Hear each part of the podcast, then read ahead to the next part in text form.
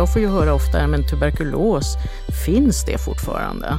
Alltså tuberkulos har aldrig varit nära att utrotas. Det är en realitet i eh, stora delar av världen. Det är fortfarande en folksjukdom. Innan covid kom så var det ju den enskilt eh, viktigaste infektionssjukdomen, alltså med högst antal döda per år, alltså 1,5 miljoner. Och det antalet eh, har ökat.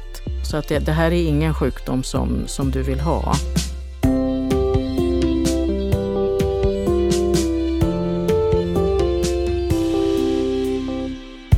Litteraturpristagaren George Bernard Shaws pjäs The Doctor's Dilemma från 1906 handlar om en läkare som har uppfunnit en ny behandling mot tuberkulos. Det är en behandling som fungerar, men den är väldigt dyr, så han kan bara behandla ett fåtal patienter i tid. Pjäsen är en satir över den tidens läkare som alla har olika idéer om vad tuberkulos beror på och hur den ska behandlas. Och det ligger något i kritiken. De olika idéer som läkarna för fram bygger på riktiga teorier som har funnits genom historien. Faktum är att det var bara året innan Shaws pjäs, 1905, som Robert Koch hade fått Nobelpris för att ha identifierat bakterien som orsakar tuberkulos. Men för de sjuka så var det inte till så stor tröst. Det var först 40 år senare som en annan Nobelpristagare, Salman Waxman, utvecklade antibiotika som hjälpte mot sjukdomen. Idag finns effektiv behandling mot tuberkulos, men i många delar av världen finns ändå doktorns dilemma kvar. Det finns medicin, men man har inte råd att använda den. Du lyssnar på Idéer som förändrar världen, en podd från Nobelprismuseet som idag handlar om framsteg och bakslag i kampen mot tuberkulos. Jag heter Gustaf Källstrand. Och med mig har jag läkaren och tuberkulosforskaren Judith Bruckfeldt. Välkommen! Tack! Ja, du är som sagt både läkare och forskare, så du liksom ägnar dig ganska mycket tid åt tuberkulos. Vad är det här för sjukdom? Tuberkulos är ju en mycket gammal sjukdom som eh, har funnits eh, sannolikt så länge människan har funnits och Eh, som blev vanligare när människan började leva tillsammans i samhällen där det också fanns en eh, ökad möjlighet för tuberkulosbakterien att sprida sig vidare eh, via luften. Det är ju en klassisk luftburen smitta. Och man har funnit tecken på tuberkulos bland annat hos egyptiska mumier där man till exempel har sett förändringar i ryggraden som stämmer mycket väl överens med så kallad POTS sjukdom, alltså en eh, infektion i själva ryggraden. Den sprids alltså när folk lever nära varandra helt enkelt? För den sprids via luften då? Den ja. sprids via luften och framförallt inomhus. Det är där den har möjlighet att då via små, små droppar som en eh, tuberkulossjuk eh, person med tuberkulos i lungorna hostar upp. Och de här små, små dropparna, eh, de allra minsta, de kan sväva i luften oändligt länge. Och just inomhus så är det optimala betingelser för tuberkulosbakterien att då smitta någon annan. Men, men, att de svävar oändligt länge, är de smittsamma oändligt länge också? Nej, det är en annan fråga. Som, där, där beror det ju också på hur pass mycket ventilation eh, som finns i, i det här rummet. Och eh, en förbättring som bland annat Hjärt-Lungfonden gjorde för många år sedan, eh, det var att eh, hos personer som levde under svåra förhållanden att ordna så att man kunde öppna fönstren i deras bostäder just för att kunna få till luftväxlingar. Judith Bruckfeldt är överläkare vid Karolinska Universitetssjukhuset och docent i infektionssjukdomar vid Karolinska institutet. Hon är nationellt ansvarig för tuberkulosvård och har forskat särskilt om behandling kring multiresistent tuberkulos.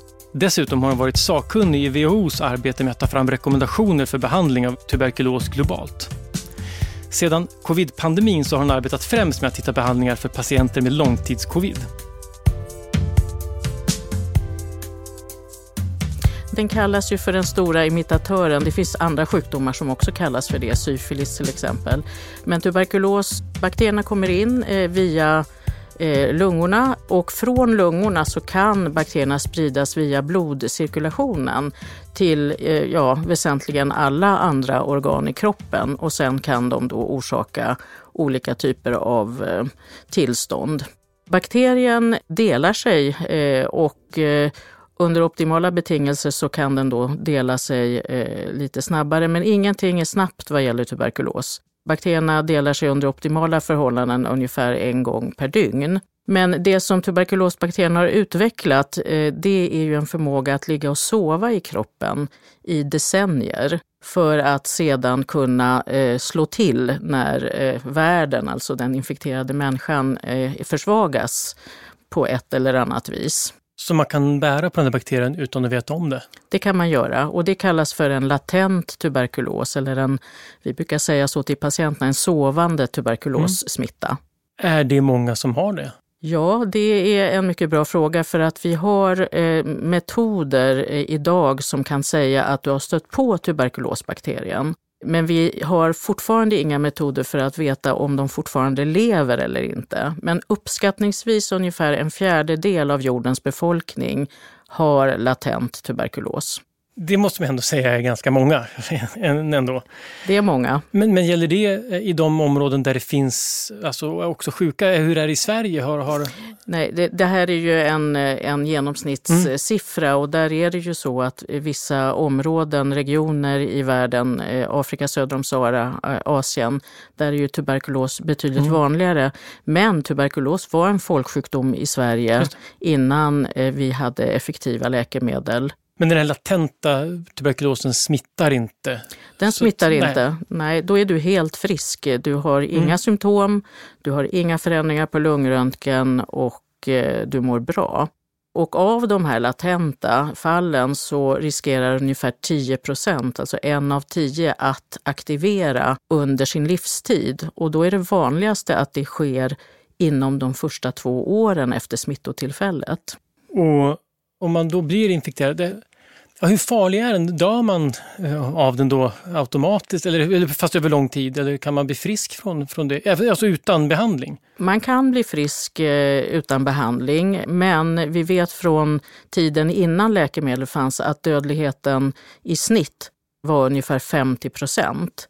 25 procent läckte ut av sig själva och 25 mm. procent utvecklade ett kroniskt tillstånd. Och 50 procent dog. dog. Och där är vissa former av tuberkulos mer dödliga än andra. Till exempel om man får tuberkulos i hjärnan, eh, centrala nervsystemet. Det är ett betydligt dödligare tillstånd. Varför dör man av tuberkulos? Vad är det som händer när man får det? Man får, eh, det är lite olika beroende på var i kroppen det sitter, mm. men man får ju dels att vävnaderna förstörs, eh, bland annat då i lungan, och man kan få andningssvikt, då har det gått väldigt långt. Man kan få en mycket svår hjärnhinneinflammation med komplikationer. Så det finns eh, ett antal tillstånd som är farligare. Får man till exempel tuberkulos i en lymfkörtel på halsen, det brukar inte vara dödligt, utan det kan bli en såsande infektion som fortsätter över tid. Men, men man har hört talas om de här symptomen, eh, att man, man hostar mycket av, av, det och det är väl eh, är det immunreaktion bara att man får hosta, men, men också att man hostar blod och hostar upp liksom lungdelar, att vävnaden förstörs. Ja, tuberkulosbakterien eh, orsakar ju eh, inflammation i lungan och sen så kan den där inflammationen eller vävnadsreaktionen äta sig eh, in till ett eh, luftrör och så kan det bli en förbindelse och då kommer det syre in till den här inflammationen och då, det tycker tuberkulosbakterierna om. Då delar de sig mycket snabbare och då kan det bli som stora hål i lungorna. Och man, det kan också bli så att inflammationen eh, hamnar väldigt nära ett kärl och då kan ett kärl brista och då kan man få de här eh, blödningarna som kan vara väldigt dramatiska där man helt enkelt får en störtblödning och dör i det. Den tyske forskaren Robert Koch fick Nobelpriset 1905 för att ha isolerat bakterien som orsakar tuberkulos. När han gjorde upptäckten, 1882, var teorin att bakterier orsakar sjukdomar fortfarande ny. Han insåg att han skulle få kritik. Hur kunde man ens vara säker på vad som orsakar en sjukdom? Koch föregrep kritiken genom att ställa upp fyra villkor som måste uppfyllas för att man ska kunna säga att en viss mikroorganism orsakar en sjukdom. För det första så måste bakterien eller viruset finnas i alla organismer som är sjuka, men inte i organismer som är friska. För det andra ska bakterien isoleras från den sjuka organismen och odlas för att man för det tredje ska kunna orsaka sjukdomen när den odlade bakterien förs in i en frisk organism. Koch visade alltså att alla som hade tuberkulos bar på bakterien och att den inte fanns hos friska personer. När han hade isolerat och odlat den kunde han också infektera djur med den och de fick då tuberkulos. Men som om de här tre inte vore nog fanns det också ett fjärde krav. Man ska kunna isolera bakterien från den organism man har infekterat och då hitta den ursprungliga bakterien. De här villkoren kallas Kochs postulat och de anses fortfarande giltiga. Så när WHO till exempel slog fast att SARS-CoV-2 orsakade covid-19 så var det för att man hade utsatt viruset för en sån här testningsprocess. Lungtuberkulos är den vanligaste formen. Man brukar säga kanske kring 70 procent. Det näst vanligaste är att det sätter sig i lymfkörtlar, särskilt på halsen. Och sen finns det en rad andra eh, organ, buken, njurar, hjärna eh, med flera. Och huden väl? Huden förekommer också och där var det faktiskt ett vanligt tillstånd som man kunde se hos slaktare. Man kallade det för butcher's wart. Det var slaktare som då handhade kött eh, från kor som var infekterade med den bovina formen av tuberkulos, Mycobacterium eh, bovis, och eh, fick då vårtor på händerna. Annars är hudtuberkulos ovanligt numera. Ordet tuberkulos, man pratar om tuberkler, och så. Vad, vad, vad, betyder det? Ja, det är de här små liksom knölarna som man kan se i vävnad när man eh, ja, eh, dissekerar eh, vävnader hos människa mm. eller djur. Det är den här inflammationen, alltså knottror, eller som kan bli större och som man kan se både i vävnad men till exempel lungsäcken, bukhinnan, en ganska karaktäristisk bild när man tittar på vävnaden. Mm. Och du nämnde också att det är alltså långsam, allt går långsamt, en, en gång om dagen som bakterierna Ja, det är det snabbaste. Det snabbaste. Och vad är det jämfört med andra sjukdomar? Ja, där till exempel om du har en urinvägsinfektion med eh, ja, E. coli som är en vanlig orsak, den, den delar sig kanske var femte minut. Så okay. att eh, det, det, det är väldigt mycket långsammare. Och sen finns det former som är då halvsovande eller närmast inte i koma, mm. där de delar sig väldigt långsamt, kanske någon gång i veckan, någon några gånger i veckan. För det låter ju som att det där med att långsamt kan vara vad ska man säga, både bra och dåligt. Det verkar skönare på ett sätt att få en sjukdom som är väldigt långsam än någon som går väldigt fort. Om man nu måste välja, men samtidigt så kan, ställer det till problem förstås, att den inte läker ut fort och så man är sjuk länge. Ja, alltså det, det, är lite grann det här med förlopp. Det kan vara, eh, jag vill kanske ändå säga att eh, det finns vissa förlopp, just även vad gäller tuberkulos, som är snabba. Mm. Galopperande lungsot är ett sånt här begrepp som ofta drabbade yngre personer eh, när, när TBC var vanligt även i Sverige. Mm. Och det ser vi fortfarande. Och där gäller det ju att förstå att det är tuberkulos, att man inte eh, ja, tänker att nej, men det här måste vara en vanlig lunginflammation. Det kan gå för fort, men det, det, det, det klassiska är ett ganska långsamt förlopp. Men det jag tänker på då epidemiologin med det här, att om, om det är långsamt hos varje person som får det, gör väl också att en epidemi av tuberkulos måste vara utdragen över lång tid? Ja, eh, det, det som är det svåra är ju den här latenta fasen mm. eh, och att vi inte har ett vaccin som faktiskt eh, skyddar mot smitta. Det vaccinet vi har det är ju fortfarande eh, Calmette och Guerins vaccin som faktiskt firade 100-årsjubileum eh, förra året. Mm. 1921 lanserades det och det hindrar svår sjukdom hos små barn.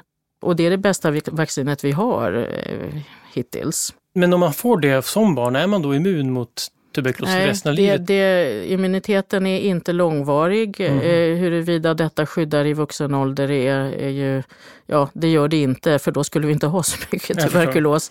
Men eh, det, vi behöver ju ett vaccin som förhindrar smitta och förhindrar sjukdom betydligt bättre än det vaccinet som vi har då idag. Mm. Om man tittar på hur det ser ut eh, i eh, till exempel Sverige, då är tuberkulosen utdöende epidemi. Det är ju en pandemi, om vi ska prata mm. om pandemier så, så är det ju en pandemi sedan många, många år tillbaks. Men i, i, i Sverige så är förekomsten av latent tuberkulos väldigt låg hos den svenska befolkningen och de som insjuknar där är framförallt äldre personer som utsattes för smitta i sin barndom eller ungdom. Och sen har vi då den andra epidemin som är väldigt aktiv och avspeglar situationen i världen. 90 procent ungefär av våra TBC-patienter i Sverige kommer, eh, har ett utomsvenskt eh, ursprung. Och många kommer från länder där tuberkulos är vanligt idag. Så det är unga människor eh, som rör sig mycket i samhället och eh, har större risk för att utsättas för smitta. Och där man vet att unga vuxna har en högre risk att eh, få aktiv tbc. Barn eh, har också en högre risk om man tittar över åldersspannen. Medan då, eh, ja, börjar man bli lite äldre så har man en ökad risk när man kommer över 65-70 års ålder. Är det alltid så att man får en, en vilande form först och sen sätter den igång? Eller kan man bli liksom sjuk det kan gå direkt. Och det blev man varse eh, när HIV kom 1981 och sen några år senare, 86-87, började man märka både i eh, låginkomstländer eh, med välfungerande tbc-kontrollprogram att antalet fall ökade väldigt kraftigt. Och även till exempel i New York där man beskrev eh, liksom hastigt förlöpande förlopp med aktiv tuberkulos hos HIV-infekterade och med mycket korta inkubationstider, kanske på någon månad. Så det här var ju någonting helt nytt. Och det är för att det är en grupp som har lågt immunförsvar helt enkelt? Precis. Just vid HIV så är just den delen av immunförsvaret som är viktig för att kontrollera en latent infektion, den sätts ur spel. Och det gäller också numera en rad olika läkemedel som ges både för reumatiska sjukdomar, eh, inflam eh, inflammatoriska sjukdomar i tarmen, Eh, även vid vissa, eh, ja vid olika neurologiska sjukdomar. Så att vi har plötsligt fått en helt ny grupp patienter som vi behöver bedöma eh, inför olika typer av behandlingar och där det kan finnas då en vilande tuberkulossmitta. Innan Koch upptäckte tuberkulosbakterien så trodde man att sjukdomen var ärftlig snarare än smittsam. Det var också en sjukdom som drabbade både fattiga och rika och tillsammans gjorde de här sakerna att den inte sågs som smutsig eller omoralisk som till exempel kolera eller syfilis. Istället fick tuberkulos någonting romantiskt över sig. Sjukdomsförloppet var visserligen smärtsamt, men det var inte våldsamt eller äckligt. Istället sågs den sjuke som extra känslig och förfinad och tuberkulos förknippades med skönhet och begåvning. Det här skapade ett skönhetsideal, särskilt hos kvinnor, Även friska kvinnor undvek att äta och motionera. Allt för att se utmärglad och sliten ut. Man använde smink för att se extra blek ut och modet framhävde tunnhet, liten byst och en hopsjunken hållning. Det är ingen slump att anorexia beskrevs första gången 1873. Den sjukdomen ökade i en tid då idealet bokstavligen talat var att vara sjukligt smal. Även män kunde vara smala och bleka och hos dem sågs tuberkulosen som ett uttryck för skaparkraft. Poeten John Keats som dog 26 år gammal i tuberkulos i Rom var typexempel på det romantiska geniet som förtärdes av sin egen skaparkraft. Det, det är en mycket plågsam sjukdom och det är en realitet i eh, stora delar av världen. Det är fortfarande en folksjukdom. Mm.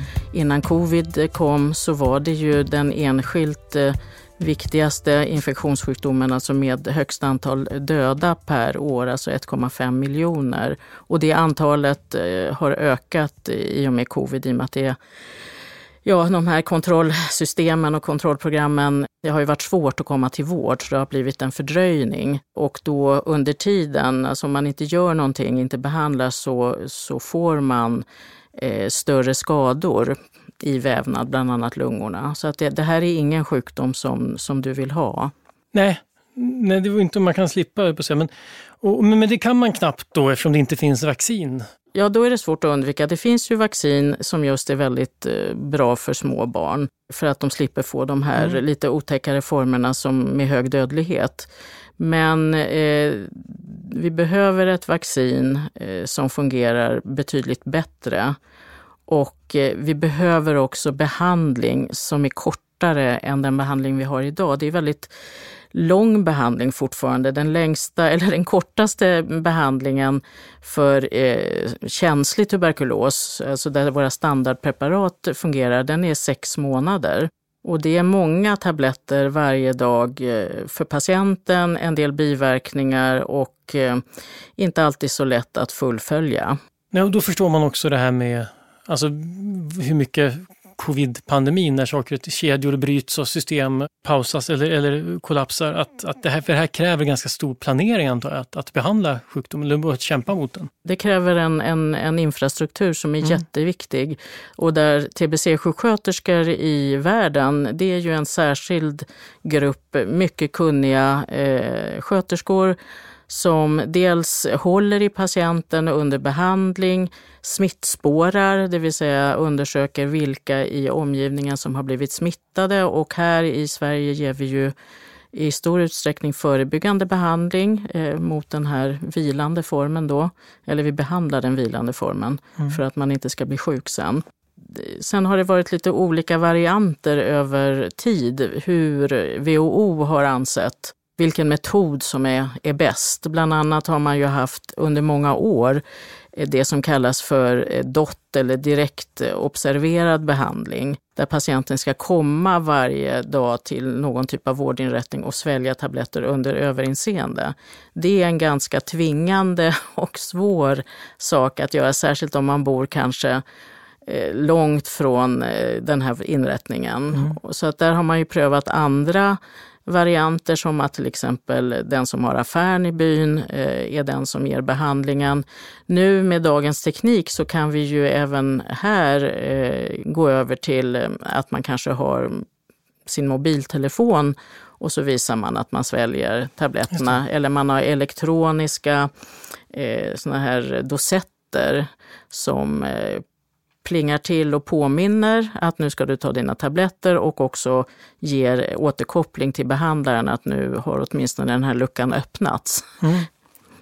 Ja, för att när man började med behandling i Europa och även övervakning, alltså under samtidssanatorer, då fanns det den typen av stationer i städerna i Europa och det funkade kanske bra där när man kunde, alltså Londons slump på 1910-talet så var det lätt att ta sig till en sån station men på landsbygden är det förstås svårare kan man väl tänka sig. Idag, Nej. då i länder där det inte går helt enkelt. Vi hade ju här i, i Stockholm mm. centraldispensären och där Ja, dispensär, dispensär, ja, precis, dispensär. dispensär. Och där, det var ju en centraliserad enhet där man dels eh, då behandlade patienter men där man också gjorde eh, skärmbildsundersökningar. Så man undersökte ju kontakter och tittade om man hade fått några eh, mm. skuggor mm.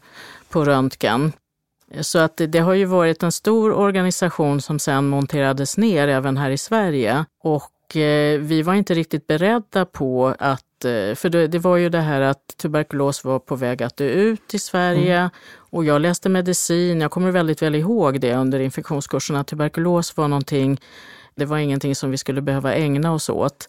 Men sen kom ju det här med ett mycket mer mobilt samhälle och invandring och eh, ja, vi, vi, vi avspeglar ju världen här så att eh, mm det, det är fortfarande högst aktuellt och väldigt aktuellt globalt. Alltså tuberkulos har aldrig varit nära att utrotas. I början av 1900-talet, när man verkligen förstod att tuberkulos var smittsamt, så förvandlades sjukdomen successivt från en glamorös sjukdom som drabbade de vackra och begåvade till en smitta som förknippades med smuts, fattigdom och dålig hygien. När man fick det klart för sig så spreds en stor bakterieskräck i samhället. Städer byggdes om för att släppa in frisk luft och inom barnuppfostran började föräldrar och anställda uppmanas att undvika kroppskontakt med barnen för att skydda både dem och sig själva från smitta. Precis som sjukdomen hade påverkat mode för kvinnor så gjorde basilskräcken det för män. De stora helskägg som dominerat på 1800-talet försvann allt mer ju längre in på 1900-talet man kom. Att sjukdomen drabbade fattiga innebar å ena sidan en del stigmatisering och skuldbeläggande. Å andra sidan började de första större folkhälsoinsatserna. Man skapade dispensärer där folk kunde vända sig för att få vård. Det var både ett sätt att hjälpa och att få statistik och kontroll över smittspridningen. Och när man pratar om varför man trodde att det utrotades, är det helt enkelt när man får ett antibiotika, det är streptomycin då mot, eh, eller det börjar med streptomycin, eller hur? Det var Waxman mm. i USA, men ungefär samtidigt så var det Jörgen Lehmann i Göteborg, mm. han var ju dansk, men han eh, uppfann ju PAS. De kom ungefär samtidigt och i början så tänkte man, och det var ju så fantastiskt att man fick ett läkemedel överhuvudtaget. Eh, och då började man med att ge mm, singelbehandling, ett preparat eh, ensamt. Och då såg man ju snabbt att tuberkulosbakterien hade förmåga att utveckla motståndskraft. Så den första kombinationsbehandlingen var ju streptomycin och PAS. Och då såg man i de gamla studier som finns att eh, resistensutvecklingen i princip var noll om patienten fullföljde sin behandling.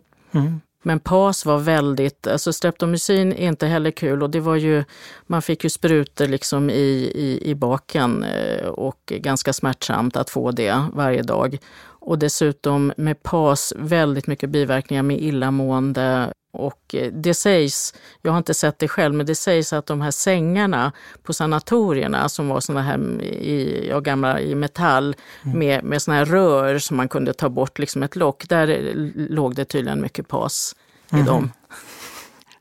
Ja, det låter som att, eh, precis, det är ganska obehagligt. Och det höll man på, var det också då flera månader man skulle behandlas med det här? Ja, de det var, det var mm. flera månader. Och, eh, men ändå med fantastiska resultat mm. jämfört med innan där, vi, där det då endast fanns den här ja, sanatoriebehandlingen. Mm. Den här sjukdomen, den har ju liksom, du nämnde att den är gammal och historiskt sett så har man ju alltid förknippat den med luft. Är det för att det helt enkelt var att man hostade av den som man förknippar den med luft? Ja, alltså innan man visste att det var en bakterie. Mm. Egentligen visste man det långt innan Koch kom på det. Mm. Eh, men, men det var ju mycket det här med att det var förknippat med eh, fattigdom, eh, trånga, mörka utrymmen och det var väldigt viktigt det här med städ, att städa och, och eh, ja, det här med spottkoppar som var väldigt... Eh, man skulle liksom spotta i slemmet inte bara var som helst utan i en kopp. Så att man förstod ändå att det var någonting med just själva hostan och slemmet.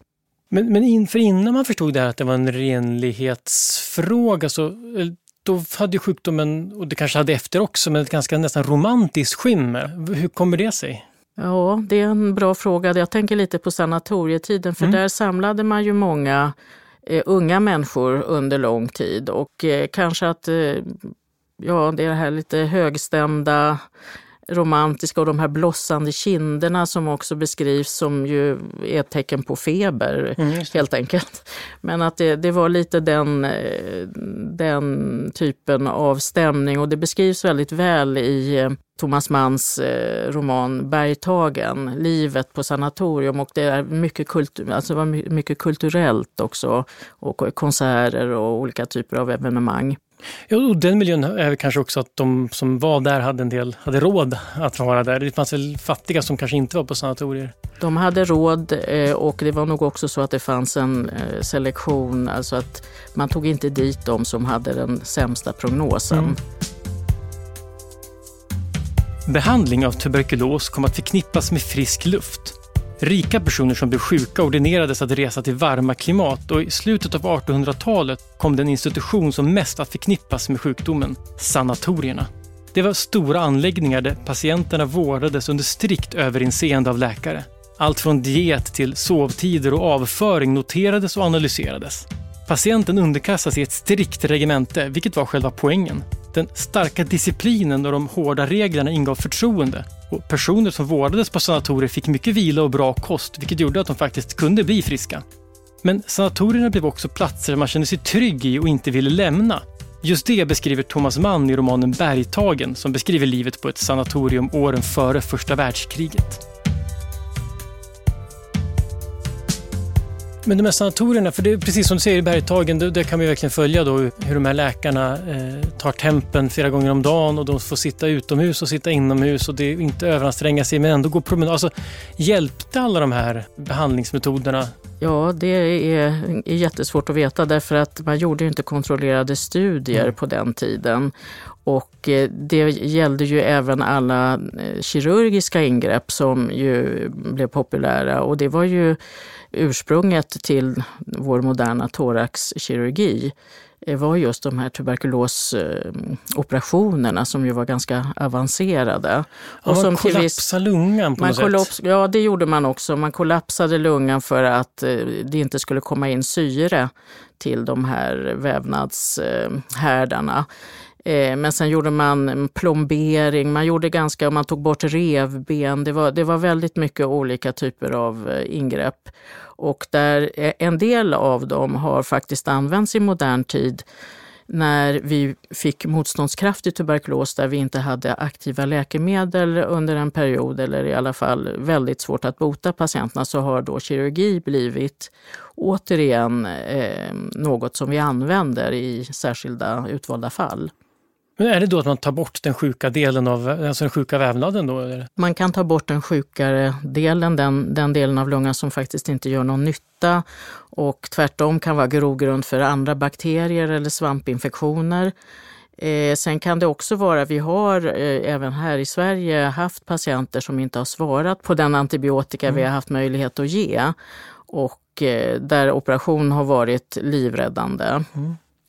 Och som du sa, man visste att det var en bakterie, eller så fort man visste att det fanns bakterier. Men Robert Kochs upptäckt var att han identifierade bakterien. Tuberkelbakterien. Tuberkelbakterien. Alltså, ja, eh, han, det han gjorde var ju att han fastställde sina postulat som sen har använts i mikrobiologi i historien. Sen utvecklade han ju också tuberkulinet mm. som är ju en slags, eh, ja, destillat av eh, tuberkelbakterier, alltså olika delar av tuberkelbakterien, eh, flera hundra olika antigen som vi säger på mm. medicinspråk.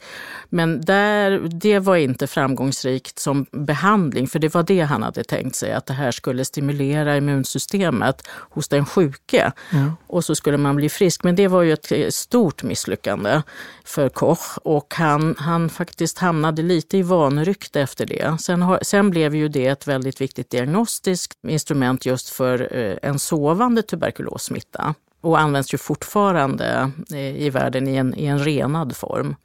Ja, för han gjorde sitt stora genombrott och sen så försökte han väl också tjäna pengar på tuberkulinet, för så, det här var botemedlet och så.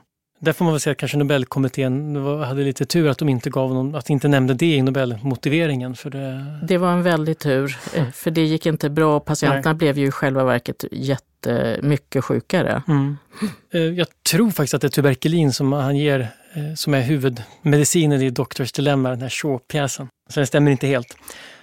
Ehm, men alltså, som du nämnde, det att sjukdomen förändras med samhället, den sprids när samhälls förutsättningarna finns. Jag tänker om att man avskaffade spottkoppar och byggde större hus och sådär, så att det finns en hel del bättre hygien idag som gör att tuberkulos kanske då i de samhällen som anpassade sig då när det var som värst eh, kanske har svårare att få fäste. Ja, förekomsten av tuberkulos eh, i Sverige till exempel är ett bra exempel. Det minskade ju redan innan läkemedlen kom, just för att industrialiseringen kom, Människor mm. fick det bättre ekonomiskt, eh, man hade mer att äta och allt det här har ju betydelse för förmågan att kunna eh, försvara sig mot eh, aktiv sjukdom.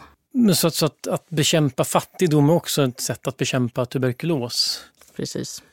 Men det här att, man, att, man, att det ändå förknippas en del med Eh, smuts och så, gör det att det finns ett, finns ett stigma kring sjukdomen? Det finns ett mycket starkt stigma eh, kring, ja, inte bara tuberkulos, men just sjukdomar som förknippas med dödlighet. Och där det också har funnits eh, och finns föreställningar om att det skulle vara, finnas en ärftlighet också. Att eh, finns det ett tuberkulosfall i din släkt, då kan man eh, bli väldigt rädd och jag vet i, i vissa kulturer att man om du har en, en, dotter till exempel som, som insjuknar så är det ju så att eh, då är dina andra döttrar också märkta. Om det ska till exempel arrangeras giftermål. Så att det är ett, ett stigma, man vill inte tala om tuberkulos eh, helst och framförallt inte att man själv har det. Vi diskuterade för kanske 5-10 år sedan att eh, om vi skulle ordna en patientförening, hjälpa till med det, för det var en patient som tog upp det. Men det, det är svårt därför att man vill inte ge sig till känna. Och det måste väl vara svårt att få folk att testa sig då? Och ännu mindre att, att gå en lång behandling om man inte ens vill berätta att man är sjuk. Precis, men jag tycker ändå att eh, jag tycker med de yngre generationerna nu som vi arbetar med så tycker jag att det här stigmat ändå mm. är lite mindre. Och var någonstans i världen är, är det, det finns som mest? Den högsta incidensen, alltså nya fall per 100 000 invånare per år, är i Afrika söder om Sahara. Mm. Och där finns det en koppling till den eh, parallella HIV.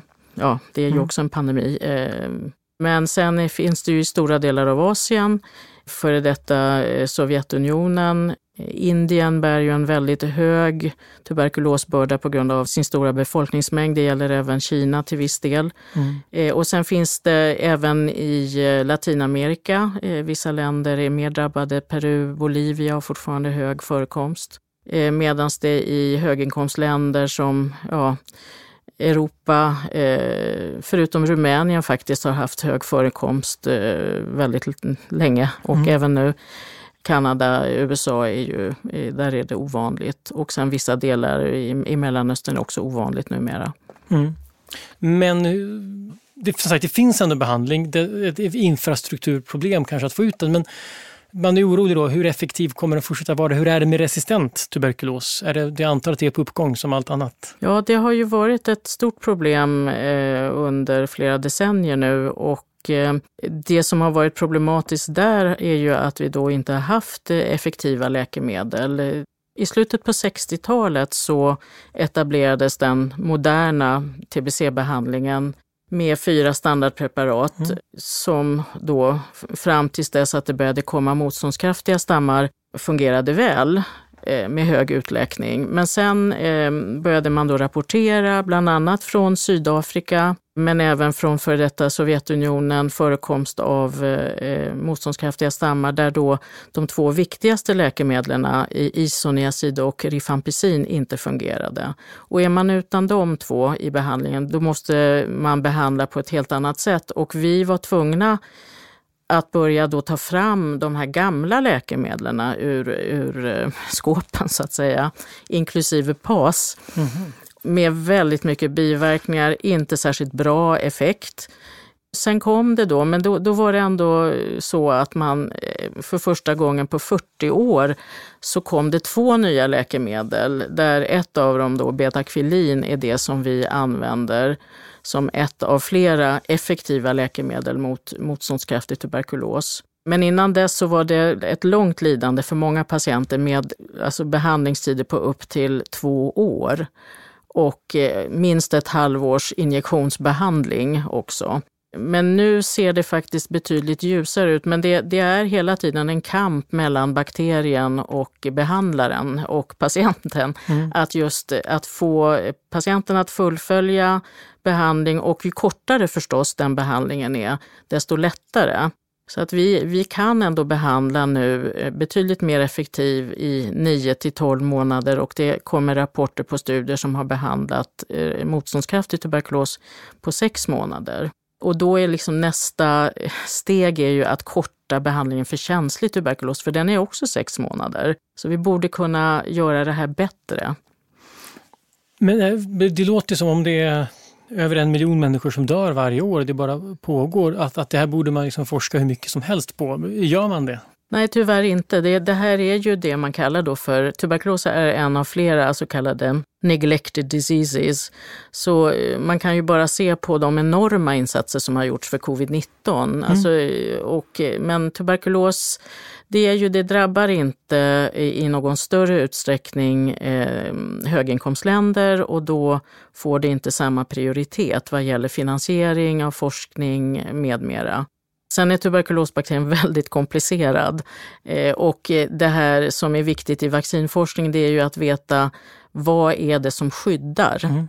Eh, korrelat till skydd. Och det är inte helt enkelt. Eh, men där pågår forskning bland annat på till exempel patienter med, även i vår egen forskning, patienter med en sovande tuberkulosinfektion som de facto inte blir sjuka, finns det då markörer hos dessa personer som kan tala om för oss vad är skyddande.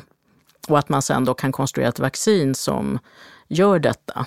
Är det så alltså att om man har latent och det beror inte bara på att bakterien själv inte har attackerat utan det kan vara så att immunförsvaret håller i schack lite grann också. Precis, Aha. det kan vara lite olika. Dels kan det vara så att du smittas och att du faktiskt gör dig av med bakterierna. Att du, ditt immunförsvar dödar bakterierna. Mm. Det är ju det allra bästa. Det. Men sen kan det vara att ditt immunförsvar, att den här liksom terrorbalansen upprätthålls. Så att ditt immunförsvar, så fort bakterierna börjar försöka växa till lite, då slår ditt immunförsvar till och eh, trycker ner. Och förhoppningsvis blir du då aldrig sjuk. Det låter som att det finns ett sätt att attackera det, så gäller bara att hitta vilket det är. Ja, det, det behöver forskas på mm. Eh, men, och det behövs finansieras också. Men sammanfattningsvis kan man säga att i Sverige så tänker man kanske på den just som en sjukdom som förekommer i böcker från förr. Vi har nämnt Bergtagen men också då Bröderna Lejonhjärta och operor och sådär. Men det är ganska viktigt att komma ihåg att det är faktiskt en sjukdom som finns och som ser en pågående pandemi med miljoner som dör. Och det finns stora problem och det är ett, ett, ett hot även idag. Men, men, skulle du sammanfattningsvis säga, liksom, vad tycker du att läget är? Är det hopplöst att det här håller på att bli sämre eller finns det hopp att vi faktiskt kommer att kunna bli bättre på att hantera det här i framtiden? Ja, jag är ju forskare så jag hoppas ju förstås att det ska bli bättre men jag kan ju säga att just nu är det nog inte bättre utan det har ju blivit sämre under covid i och med att det eh, har rubbat eh, liksom de här kontrollsystemen som är så viktiga, mm. infrastrukturen. Men det, det, behöver göras mycket, mycket mer därför att det här är ju det är liksom en, fortfarande en ganska okänd pandemi i, i vår del av världen. Jag får ju höra ofta, men tuberkulos, finns det fortfarande? Mm. Och då är det en realitet i, i en stor del av världen. Mm. Eh, och sen är det ju har det ju ständig aktualitet i och med att vi blir så mycket bättre på att behandla andra sjukdomar, cancersjukdomar, reumatiska sjukdomar och så vidare. Så att vi får ju aldrig glömma bort att tuberkulos kan finnas även här.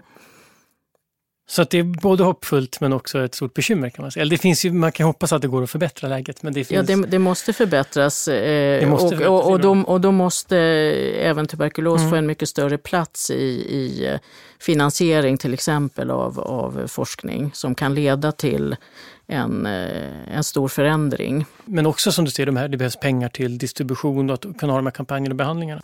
Och båda de två sakerna kräver medvetenhet hos människor att, och finansiärer, att man, ett stöd för att faktiskt göra det här. Absolut. Eh, och även här i Sverige mm. att inte glömma tuberkulos som en möjlig eh, differentialdiagnos som vi brukar säga när man ser en patient. Och särskilt om patienten kommer från ett land där tuberkulos är vanligt eller har rest mycket. Det här som mm. vi infektionsläkare alltid frågar, var har du varit? Det är en jätteviktig fråga just för att kunna bedöma risken för olika sjukdomar.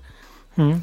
Men i alla fall, jag tänker att nu har vi här i alla fall gjort vårt för att sprida en del kunskap om tuberkulos och hur det är idag och vad det är för sorts sjukdom. Ja, den är intressant historiskt men den spelar stor roll genom historien men den fortsätter att spela stor roll och fortsätter framförallt orsaka mycket lidande. Tack så jättemycket Judith för att du kom hit och berättade mer. Tack. Idéer som förändrar världen är slut för den här gången. Den här podden görs av Nobelprismuseet. Vi finns på Stortorget i Gamla stan. Information om museets utställningar och öppettider finns på museets hemsida nobelprismuseum.se. Du kan förstås också följa oss på Facebook och Instagram. Och vill du veta mer om Nobelpristagarna och deras arbete så gå gärna till Nobelprisets hemsida nobelprice.org. Och ett stort tack till Nibe Group, EF Education First, Knut och Alice Wallenbergs stiftelse och familjen Erling Perssons stiftelse som möjliggör Nobelprismuseets verksamhet. Idéer som förändrar världen görs i samarbete med produktionsbolaget Filt, producent är Andreas Wiklund och jag heter Gustav Källstrand. Vi är snart tillbaka med nya intressanta samtal.